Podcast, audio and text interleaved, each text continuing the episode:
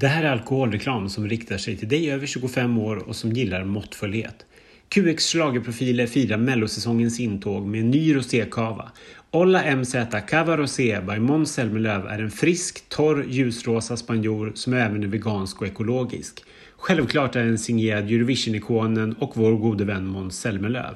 Olla MZ Cava by Måns Zelmerlöw kostar 99 kronor och finns nu i Systembolagets beställningssortiment. Pulsen, rummen, läget. Clarion Hotel Sign är helt klart ett favorithotell i Stockholm. Hit kan man åka på en weekend med kärleken eller boka en konferens för företaget, unna sig en dag på spa, ta en drink i baren eller varför inte njuta av en härlig middag.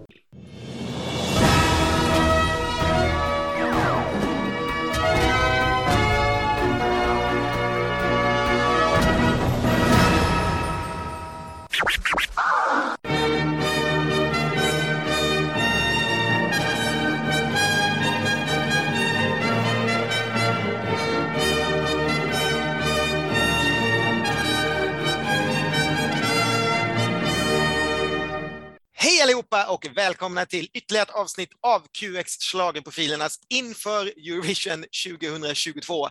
Poddar, möjligtvis det längsta namnet i världshistorien på en podd just nu. Nu är vi inne på podd nummer tre och vi ska börja lyssna på de låtarna som Sverige ska slåss emot, för nu är vi inne i den andra och den svenska semifinalen. Vi får inte höra Cornelia idag. Vi går ut som näst sist i den här gruppen, men vi ska lyssna på de nio första låtarna. Och de som är vi är först och främst jag som heter Ken Larsson och second främst är det helt konstigt, men eh, min kollega som fortfarande heter Ronny Larsson som alltid spelar andra fiolen. Ja, tydligen är jag utnämnde mig själv som den viktigaste i den här podden. Eh, jag började bli varm i kläderna nu eh, efter, efter att ha lyssnat på en hel semifinal. Blir det bättre nu tycker du? Absolut. Nu, nu kan jag liksom lägga sem, den usla semi 1 bakom mig och bara se framåt och njuta. Men är det bra att det här är svårare då? Blir inte det lite klurigt för Cornelia, eller? Nej, men jag tror att det är bra att det är lite svårare och att det är lite bättre. Då får folk en positivare uppfattning om den här semin. Och dessutom har hon ju, redan, då har hon ju ställts mot ett tufft startfält redan från början, så då har hon klarat av det värsta.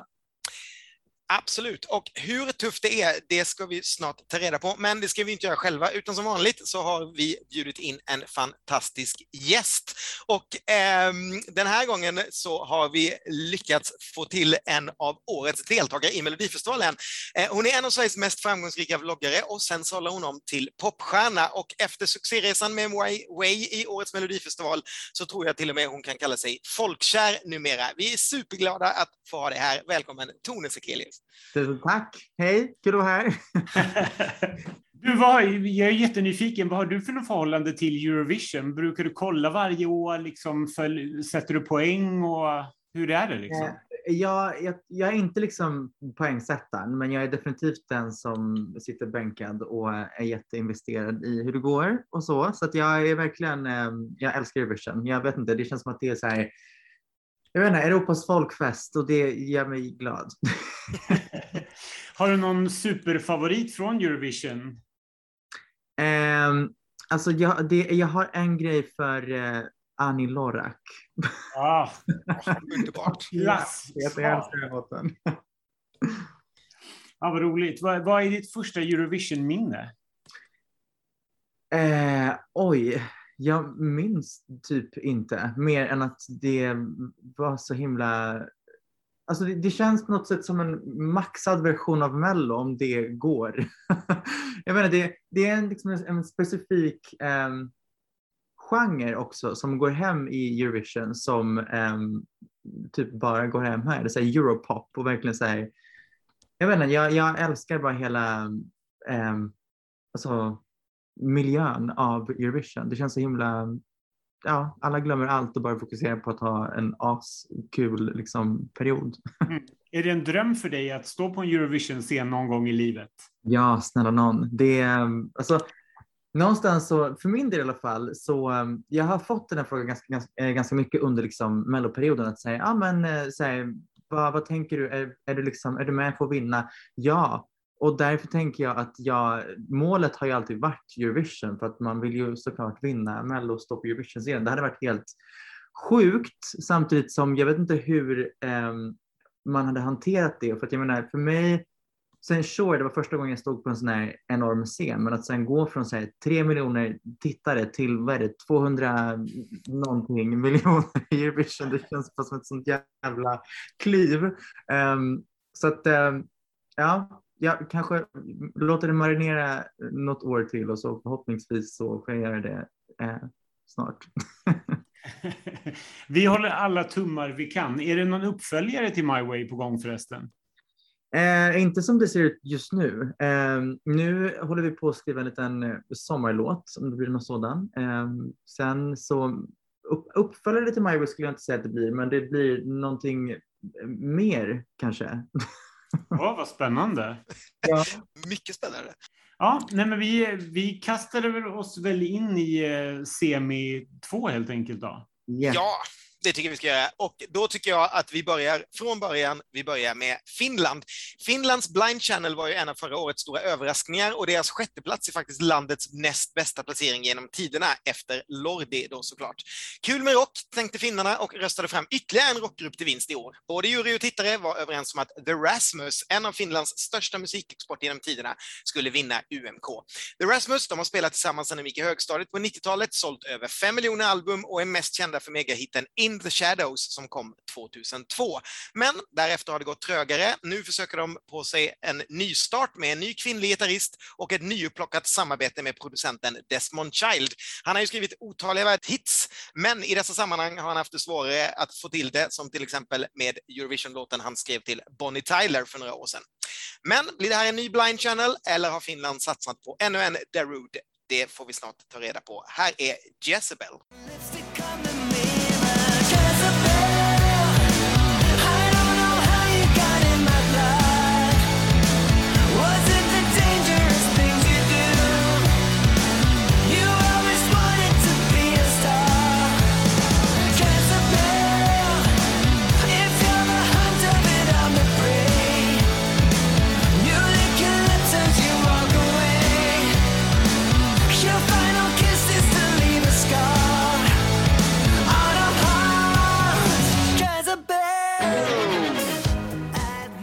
Jag tycker att det här är ganska bra.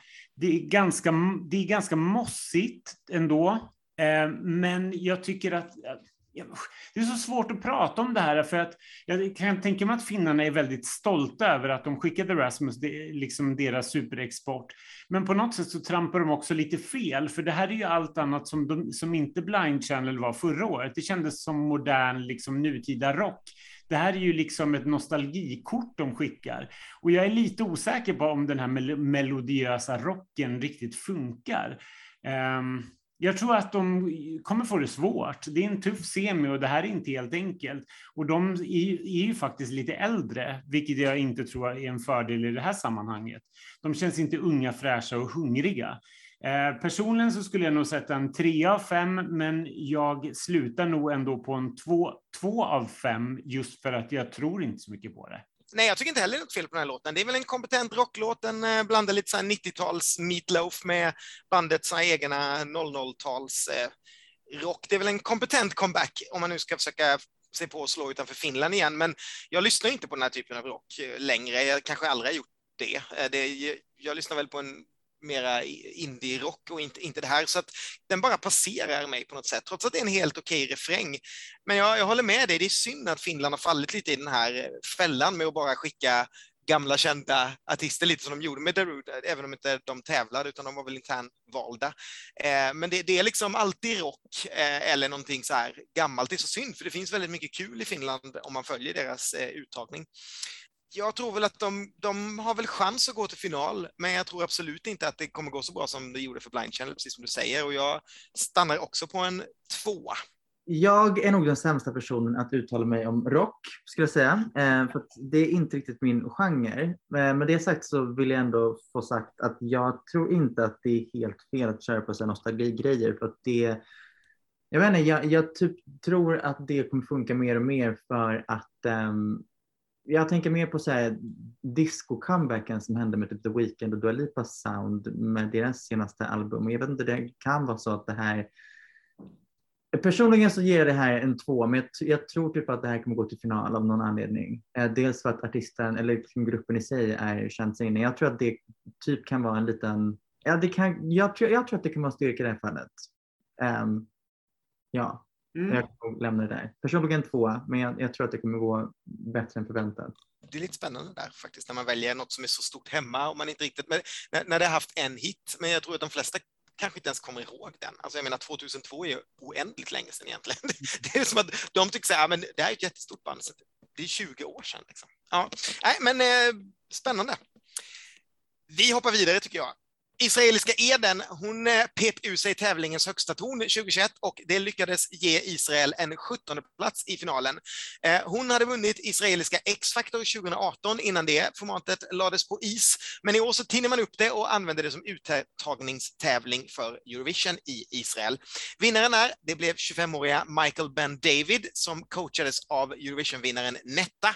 Och Michael, han hade innan vinsten gått på samma musikskola som Harel Skat som tävlade 2020 2010 för Israel i Norge och han har jobbat som sjungande servitör eh, och är öppet gay och låten I am, det är hans sätt att göra upp med att han mobbade som barn och att både hans mamma och styvpappa inte accepterade att han var bög.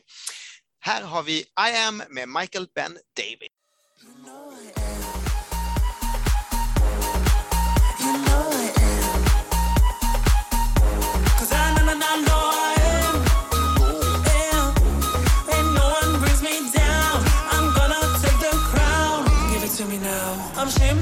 I'm and I'm flawless. Always take it up cause I'm a winner, I don't want less. Going for the I should've, maybe I'm ferocious. Making you do what I want and I'm not even topless. It's going down for real. 2022, let's seal the deal. A new sex appeal. Bam, bam, this is how it feels.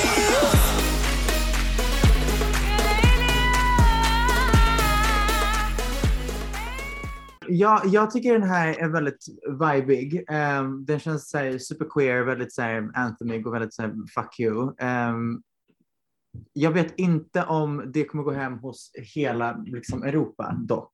Um, men personligen så ger jag den en trea för att jag tycker den är nice. Och det, jag tror att det kommer bli stor liksom, så här, queer-låt i alla fall man blir lite skadad när man följer Eurovision så nära som vi har gjort i år. Eh, för först så fnissade jag lite mest åt den här, för jag tyckte det kändes som, ja men det kändes verkligen som en Eurovision-fan som fått sin moment och kunde liksom blomma ut på scenen. Men sen så märkte jag att jag började gilla den här mer och mer och så gjorde de faktiskt om den, så den versionen vi kommer att höra i Eurovision är inte riktigt, eh, den är, den är lite, lite mera slipad och polerad än den som vann. Och det tycker jag nästan var synd, för jag började gilla den här eh, RuPaul-poppen som det liksom var eh, från början. Och bäst tycker jag fortfarande är den här eh, orientaliska delen som jag tycker de kunde klämt in lite mer av, för då tycker jag det blir ännu härligare. Eh, och har, har någon icke-queer människa någonsin sagt ordet ferocious? Det är bara helt, det är, som ett, det är liksom ett mera queer-ord än pride nu för tiden, känns det som. Eh, men jag, jag håller med dig helt. Jag sätter också en trea på det här. Jag tycker att det är härligt, men det är svårt att avgöra hur det ska gå. Ja, det är inte helt lätt. Ehm, jag håller med exakt eh, det ni också har sagt, men jag har kommit på mig själv med att gilla den här jättemycket. När vi hade en liten omröstning genomlyssning nyligen med några vänner så satte jag väldigt högt betyg på den här. Jag tror att jag rankade den typ så här fyra i den här semin. Jag vet inte riktigt varför. Det är någonting som tilltalar mig. Först så provocerades jag mest av det, för jag tyckte det var så överdrivet och hittepå. Det här är liksom en sån här bög som står på Gran Canarias jumbocenter under Pride och bara törstar efter uppmärksamhet och vill sjunga låt efter låt efter låt, trots att publiken verkligen inte vill höra låt efter låt efter låt. Men jag gillar den här. Jag tror ändå att det skulle kunna gå bra om han levererar den så pass bra som han gjorde i den israeliska eh, uttagningen, för det, då tyckte jag att han var väldigt övertygande. Sen gillar jag också de nytillkomna orientaliska tonerna. Um, jag ger ändå det här. Sen en, en, annan sak måste jag säga. Man skulle verkligen kunna ha ett så här drinking game till det här. Alla så här böggloser man kan tänka sig så är det bara att ta en shot. Då kommer man, man vara väldigt full när, när låten är slut. Jag sätter ändå en fyra på den här. Böglosor. Underbart ord. ja, den var vi lite mer förtjusta i, eh, kan man säga. Men det är, väl, det är väl härligt. Man kan tänka att den är lite skriven för oss. Jag håller med om att den kommer att bli, den kommer att bli underbar om det nu blir någon Euroclub så kommer det där vara ett eh, anthem där. Eh,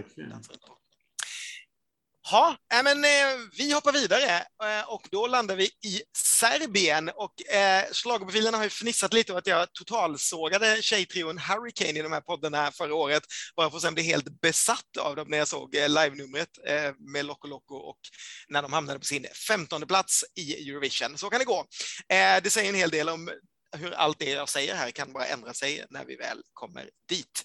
Nåväl, nåväl, i år skickar Serbien nämligen någonting helt annat, för juryn och tv-tittarna, de var helt överens om att skicka kritik av det serbiska sjukvårdssystemet och en satir över ouppnåeliga skönhetsstandarder i låten In corpo sano, vilket betyder i en frisk kropp på latin. Eh, artisten, hon heter Constracta och hon lyckas få in både Meghan Markle och en handfänts passning till covid i den här låten. Hon heter egentligen Anna Durik, hon är 43 år eh, och hon skrev inte alls låten till Eurovision utan hon skrev den som den avslutande delen i ett trelåtars konstprojekt. Så det här är alltså del tre vi får höra nu och det är Constracta med Incorpore Sano. Biti zdrava, biti zdrava, biti zdrava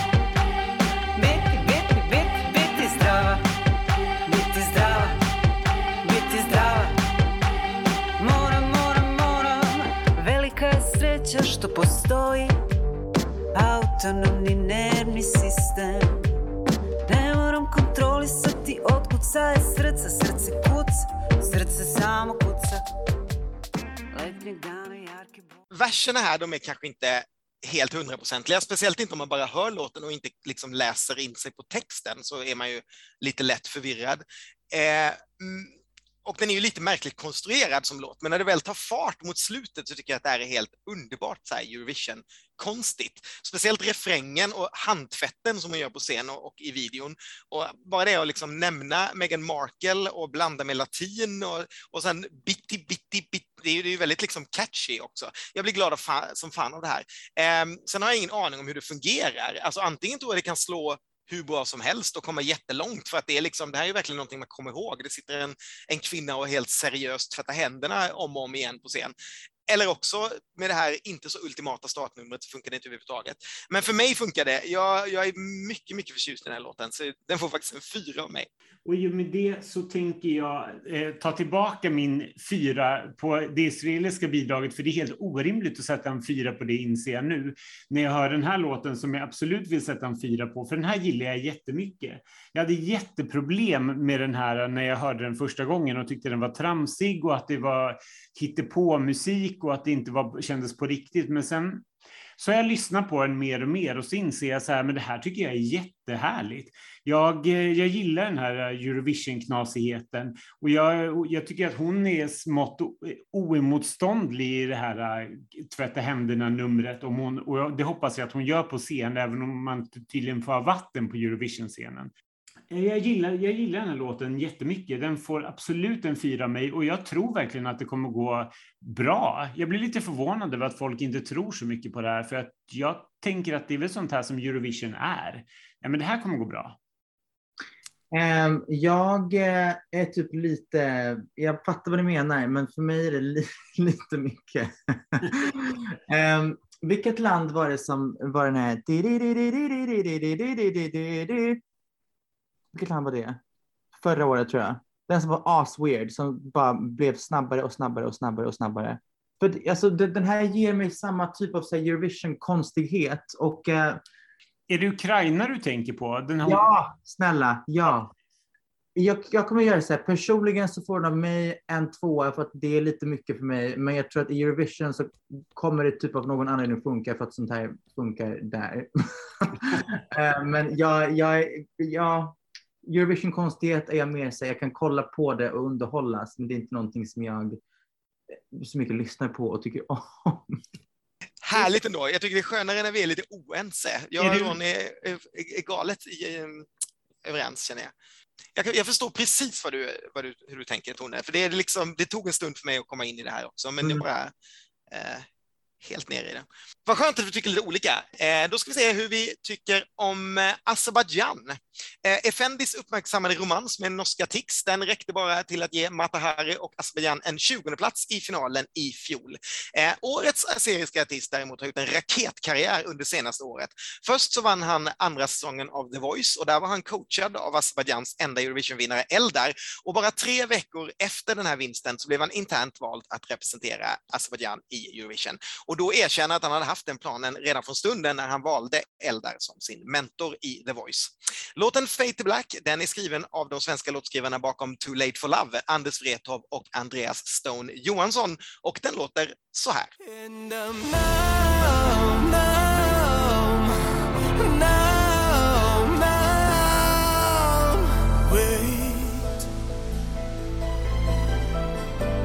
Need some time to fix this, can't you wait? We can't afford a mess, there's your back, oh, go slowly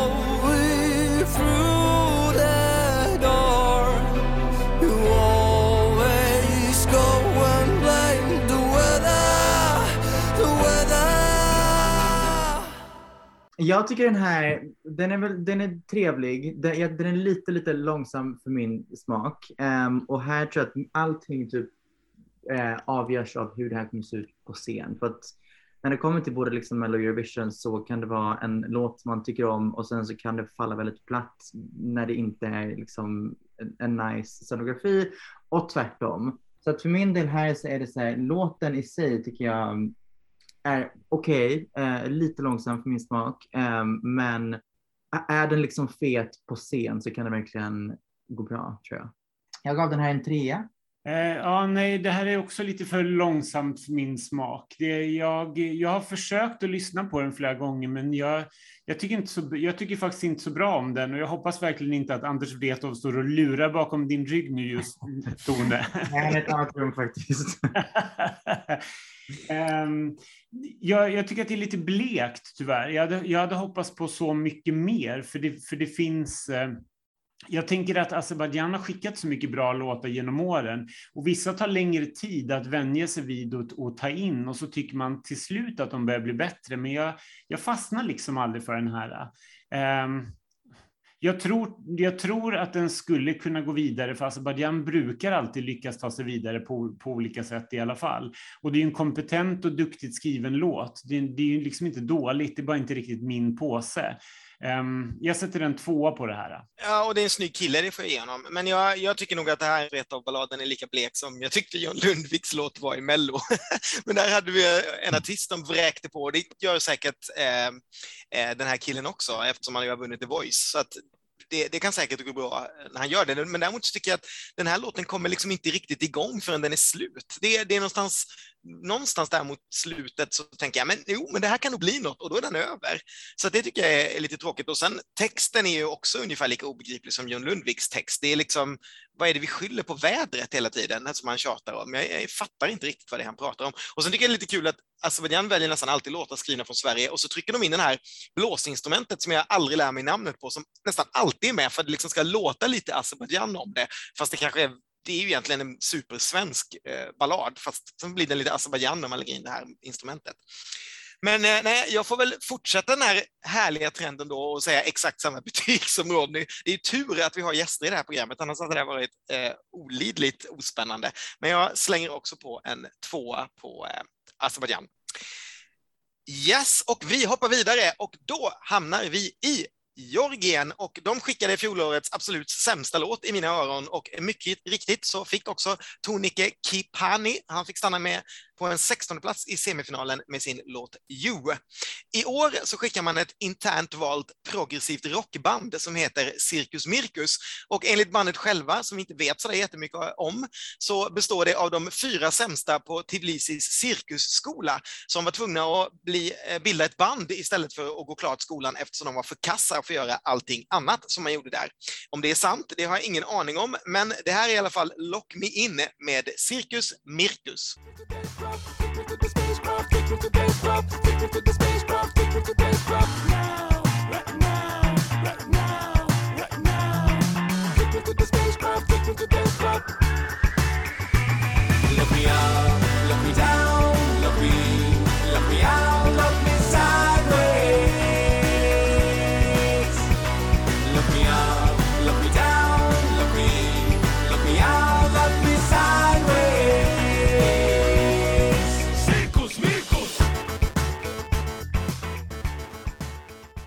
den här, den här refrängen biter sig ju fast som, som ingenting annat.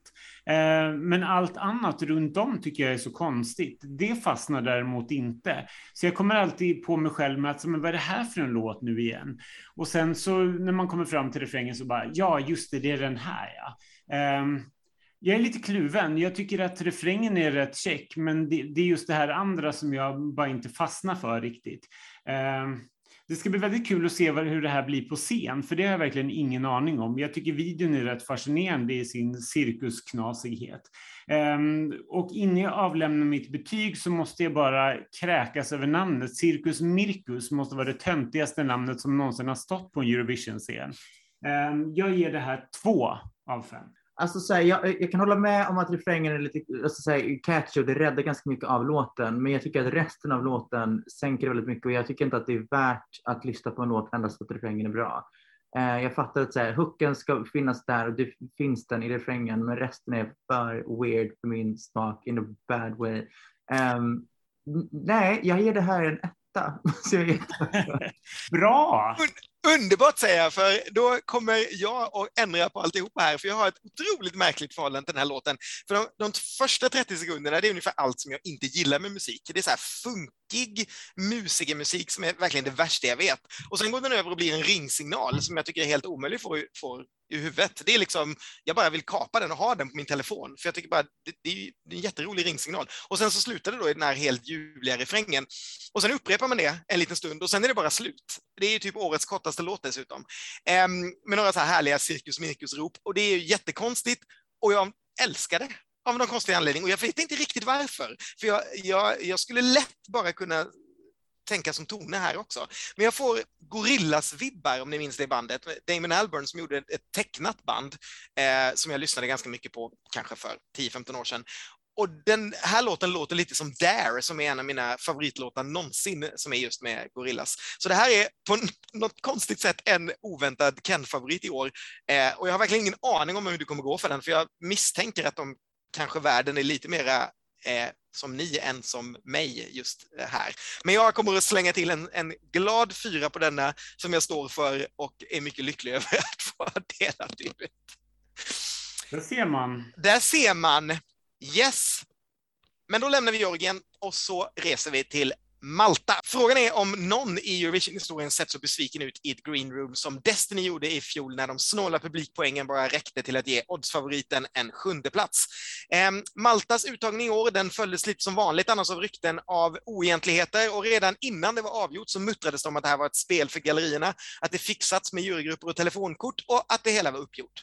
Anledningen? Jo, det är att vinnaren Emma Musk hon är från Malta, men hon är signad av italienska Warner och de försöker desperat få igång hennes karriär där. Så vad vore bättre än att få visa upp sig på hemmaplan i det första moderna Eurovision som lär locka mängder av italienare.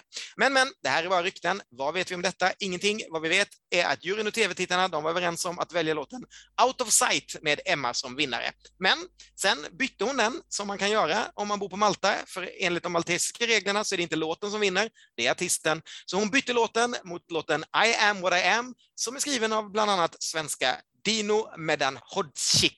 Här är I am what I am med Emma Muscat.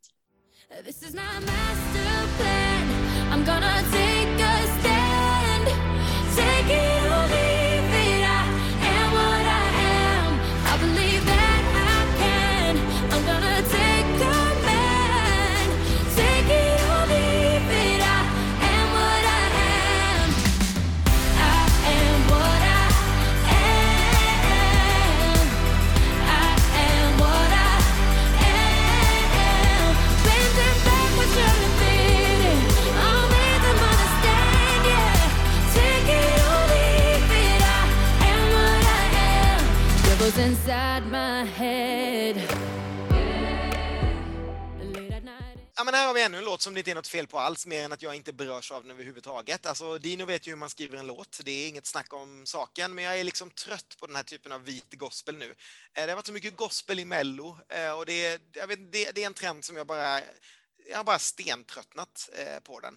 Eh, kanske om Emma är jättebra live så lär det funka. Jag menar, Malta brukar trycka in pengar både på det ena och andra stället. Eh, och det känns ju lite som att det är designat för ett Too Late for Love-nummer med gospelkör som kommer in på slutet och sådär. Men jag, jag kommer vara ganska kallsinnig här bara och ge den en tvåa. Eh, jag, eh, nu är det min tur att liksom följa här med att kopiera liksom, eh, vad heter det, betyg. Men jag är med på den där tvåan. Eh, jag, alltså, jag tycker den är lite smörig. Den är, den är, den är lite, eh, ja, det är, så, ja, det är en, en cute sång men den, nej, alltså nej, förlåt. Men, nej, ja. det är inte riktigt, ehm, alltså jag tror 100 procent det, det, det är det. Det här kommer funka eh, till en ganska stor del tror jag av Europa. Eh, för smörig musik funkar på väldigt många olika sätt. Eh, men för min del, it's a two.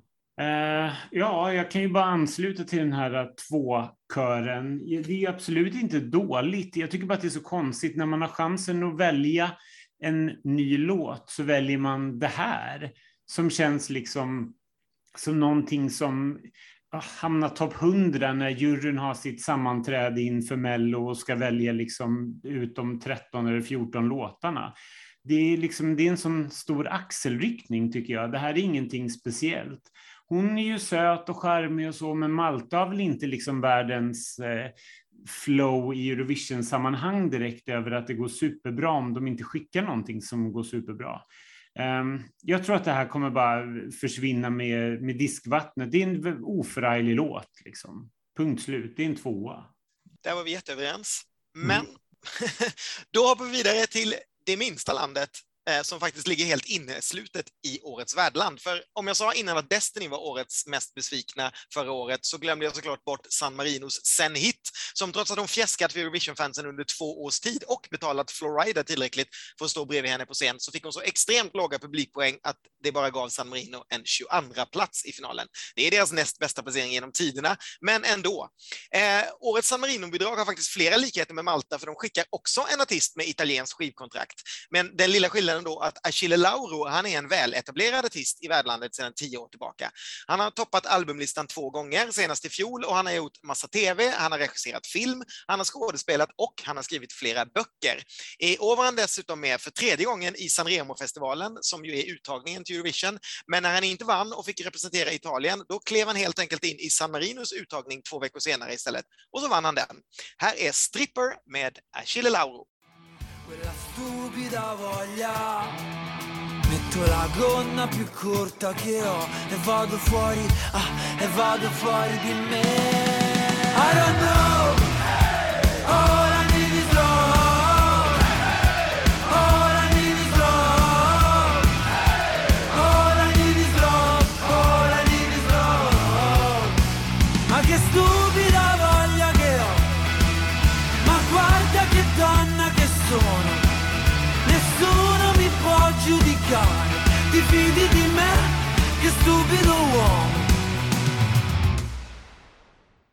Jag tror verkligen att det här kommer funka på väldigt många sätt för att det känns väldigt i linje med typ Måneskin. Um, eller så kommer det floppa för att Måneskin var så himla nyligen vinnare. Um, för min del, det är inte riktigt min musiksmak. Ehm, um, nej, jag, är- det, alltså det är en så här fine, jag är en trea. jag, jag tycker också den här låten har någonting. Men jag tycker att det känns inte som den utnyttjar hela sin potential. Och jag vet att nästan alla säger så här, det, det här är ju Måneskin i, igen och då svarar alltid alla arga, italien, eh, arga italienska Achille Lauro-fans att han har haft en mycket längre karriär än dem och det kanske är sant. Men jag tycker verkligen inte att han i så fall Eh, fyller sin potential heller här. Eh, alltså den, jag lyssnar nog hellre på den här liksom röriga glamrocken än på Finlands 00-tals emo ändå. Så ska jag välja någon rock så tror jag det här är mera min rock, om man nu ska säga så. Eh, och det kan nog bli jäkligt bra tryck i arenan, för det är ju liksom hemmaplan för honom att få liksom spela för sin riktiga publik eh, i Italien. Ehm, men jag kommer nog inte längre än en tvåa. Eller jag har pendlat lite mellan en tvåa och trea, men jag tror jag studsar nog kvar på en tvåa ändå. Men som sagt, ska jag gradera den mot Finland så lägger jag den eh, över. Dessutom om man tittar på singelomslaget så ser det ut som Damiano, vilket jag tycker är lite roligt. Undrar om det är en blinkning eller om det är någon sorts eh, beef där som man har missat eller något, att Damiano skulle vara en strippa. Ingen aning, men den blir en tvåa.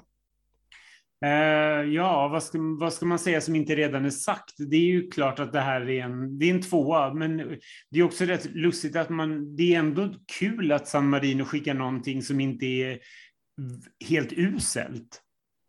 Helt plötsligt skickar de någonting som är, som är rimligt. Nu skickade de en bra låt förra året också, men det gick ju sådär för sen hit, visst var det det? Ja, sen hit, Ja, precis. precis.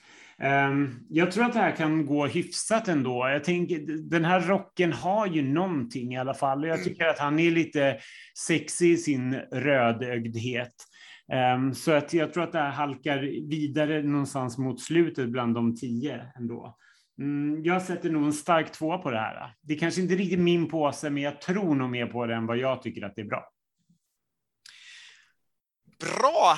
Då ska vi åka halvvägs runt jorden och hamna i Australien. Och förra året så var Australien det enda landet som inte var på plats i Rotterdam på grund av pandemin. Utan Montaigne, hon sjöng hemma i Australien och eh, det gick inte speciellt bra alls, för hon lyckades för första gången inte ta landet till final från semin. Eh, I årets Australia Decides så vann varken folkets etta eller juryns etta, utan istället, istället så enades man om den gemensamma tvåan, 23-åriga Sheldon Riley. Sheldon, han har tidigare varit med i både The X-Factor och i The Voice och i America's Got Talent. Och den här låten, den handlar om hur det var att växa upp som homosexuell med Aspergers syndrom i en djupt religiös familj. Vissa får verkligen allt. Det här är Sheldon Riley med Not the same.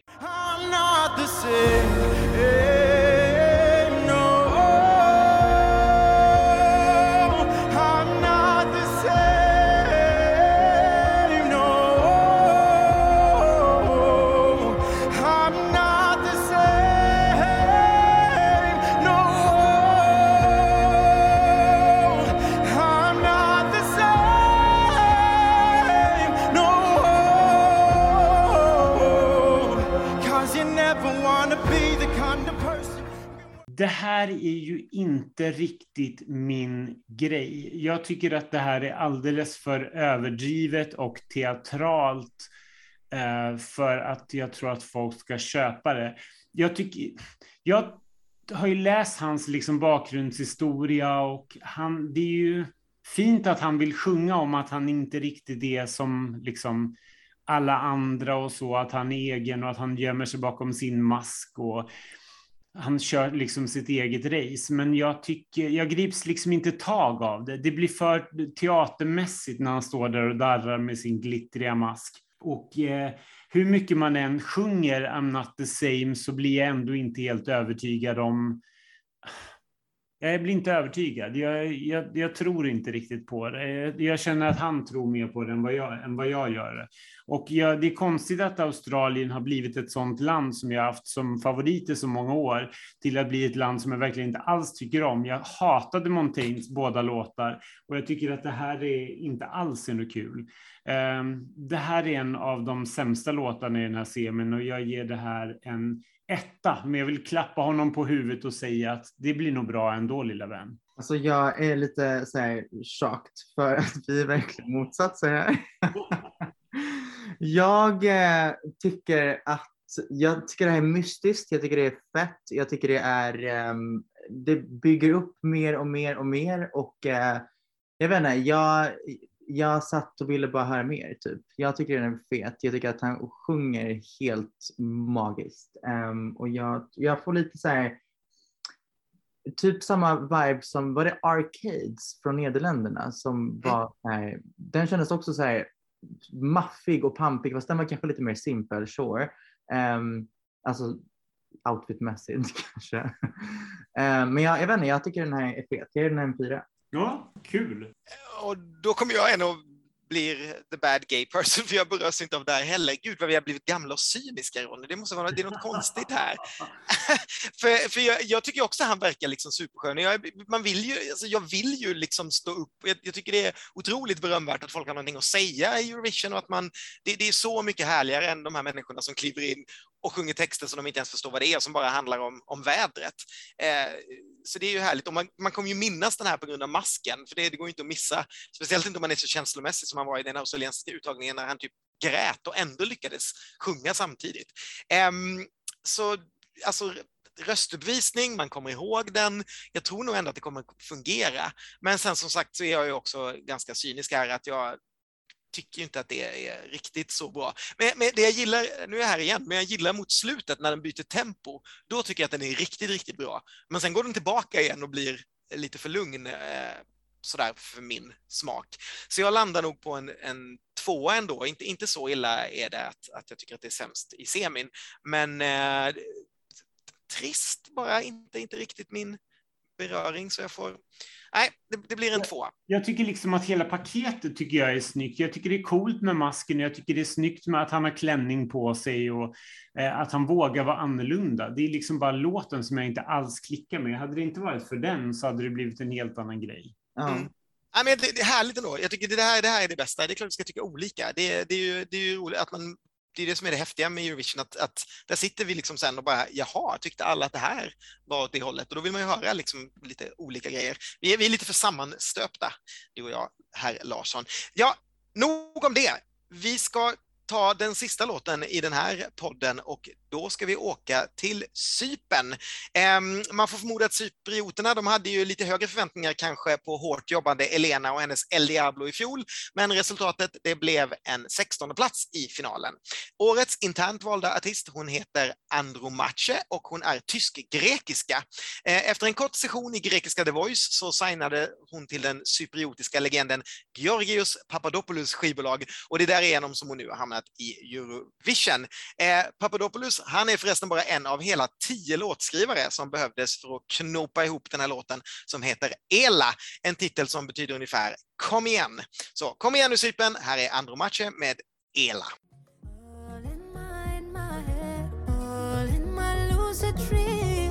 Take my,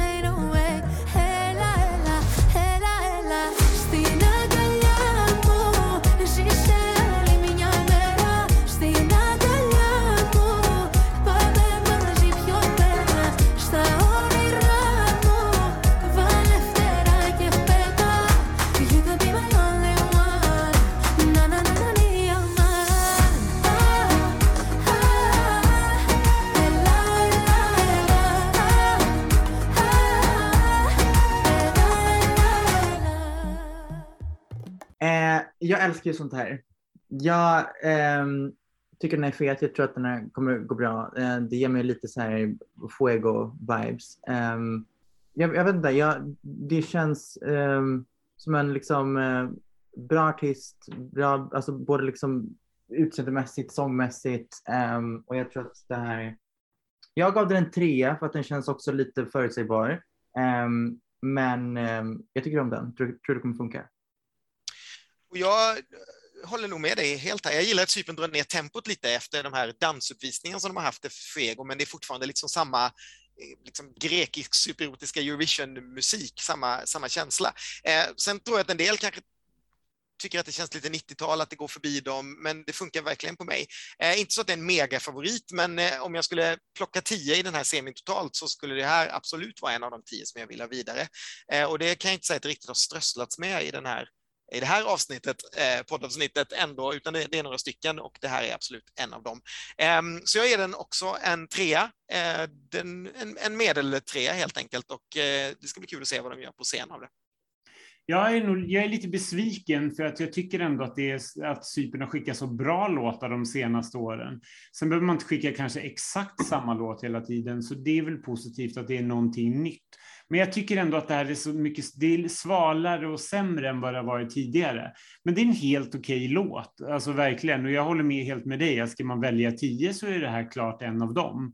Men eh, det saknas någonting. Jag vill, jag vill alltid liksom, det är jobbigt när man har vant sig vid någonting, att man tycker alltid att Cypern skickar bra låtar och sen så får man den här. Och då blir, då blir det liksom en liten downer, tycker jag på något sätt. Ehm, men eh, det, är ju ingen liksom topp 10-låt i slutändan, utan den kommer, gå till, den kommer gå till final och så kommer den hamna på plats 18, 17-18 typ, tänker jag. Ehm, man får väl bara se det som att nej, men behöver vi skicka någonting annat och det är fortfarande kompetent och det är fortfarande bra. Men det är inte riktigt där jag vill att Cypern ska vara i Eurovision-sammanhang. Eh, så det blir en svag trea från mig, eller det blir en trea helt enkelt. Mm. Ja, Ja, då var vi ju egentligen klara med alla låtarna. Då kan vi väl säga att de eh, tre låtar som höjde sig lite över medel var just Cypern, Israel och framförallt Serbien då, där jag och Ronny drog upp snittet en del till den enda tian, eh, totaltian i den här podden. Annars var vi ganska eh, jämna och alla hamnade nästan på 6-7 sådär. Eh, tror ni att det är någon här i den här eh, delen som kommer att vinna alltihopa? Eh, nej, men eh, Sverige kommer definitivt ligga väldigt högt i år. Det är 100%. För det är väl i den här eh, deltävlingen? Absolut. Ja. Där finns det en solklar liksom, finalplats, absolut. Eh, och jag tror verkligen jättemycket på Hold Me Closer i år. Ja, men samma här. Jag tror inte heller att det finns någon, någon vinnare i den här i bunten. Det finns kanske en, någon, någon topp 10-placering och sådär, men de, fort, de liksom låtarna som man förväntar sig mest av ligger ju inte riktigt här på något sätt. Nej, jag skulle säga att det här kanske är den svagaste halvan ändå. Eh, eller en av de svagare halvan. Även om jag tycker att förra eh, semin är svag så finns det alltid något guldkorn. Här känner jag inte, jag känner nog inte ens att det finns ett topp 10 material här eh, egentligen. Det jag, Faktiskt. det det jag ska ge den här halvan det är i alla fall att den är hbtq-tätast. Ja. Heja. Kommer från oss som har suttit där och sågat den här stackars australiensaren just. Kommer Ja. Men då, men då kan jag säga, jag tyckte i alla fall att Israel höll fanan högt så att man kan inte, man behöver inte, man kan inte plussa alla inom communityt. Men jag måste bara fråga Tone, är det någon låt från Mello som har bitit sig fast hos dig som du har fortsatt att lyssna på efter Mello eller liksom la du allting det bakom dig? Eh, jag blev väldigt mättad, skulle jag säga, med allt som heter Mello. Ehm, men den låten som har liksom satt sig fast hos mig, är, alltså sen första gången jag hörde den, ehm, det är Theos låt. Jaha. Jag vet inte varför. Jag, jag festade till den mest på plats när han repade. Jag festade till den mest när den kom på, på klubben. Jag tycker den är asdansant och väldigt så sommar-vibes. Och Medina. Ja. Ja, vad kul. Jätteroligt. Har ni Ja. sån? Din. Ja, du, din låt är min mest lyssnade låt på i år hittills. Det Det, kan, det är också för att när jag åkte hem efter då när du hade gått till eh, Andra chansen så hade jag bara den i lurarna i tre timmar på tåget mellan Stockholm och. Göteborg. det var liksom det enda jag kände, bakis som en fisk, att jag orkade lyssna på den dagen. Ja, det var väldigt bra betyg. Tack snälla. Underbart härligt. Nej men verkligen, man blir, så här, man blir lika glad när man, när man hör den och de gånger jag har DJat efteråt nu och man har spelat den så är det så kul att se folks extas bara när den kommer på för den har ett sånt, sånt mäktigt intro att man känner direkt Ja. att så här, nu börjar någonting bra liksom. Det är så jävla roligt. Ja.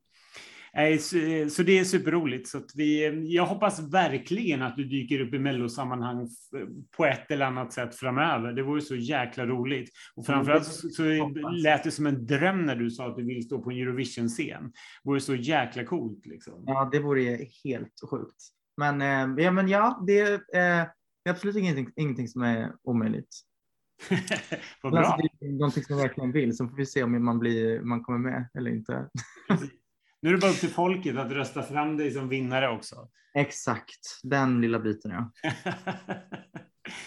Jag vill bara tacka Tone så jättemycket för att du var med. Så otroligt kul och det är alltid så jävla roligt att höra en ny röst tycka till om Eurovision i olika eh, sammanhang liksom. Så att man, man, får, ja, men man får en ny input. Jag tycker det är så otroligt befriande. ja. Tack själva, det här var supertrevligt. Grymt härligt, så hoppas vi att vi sitter och tycker till om din vinnarlåt nästa år då tillsammans med någon annan och att du just då är i typ London och sjunger med massa galna Eurovision-fans. Ja, det får vi hoppas. Tack alla ni som har lyssnat för den här gången. Det kommer flera poddar. Vi ska såklart lyssna klart på alla låtarna i år. Ha det så gott. Vi hörs. Hej då! Hej då! Hej då!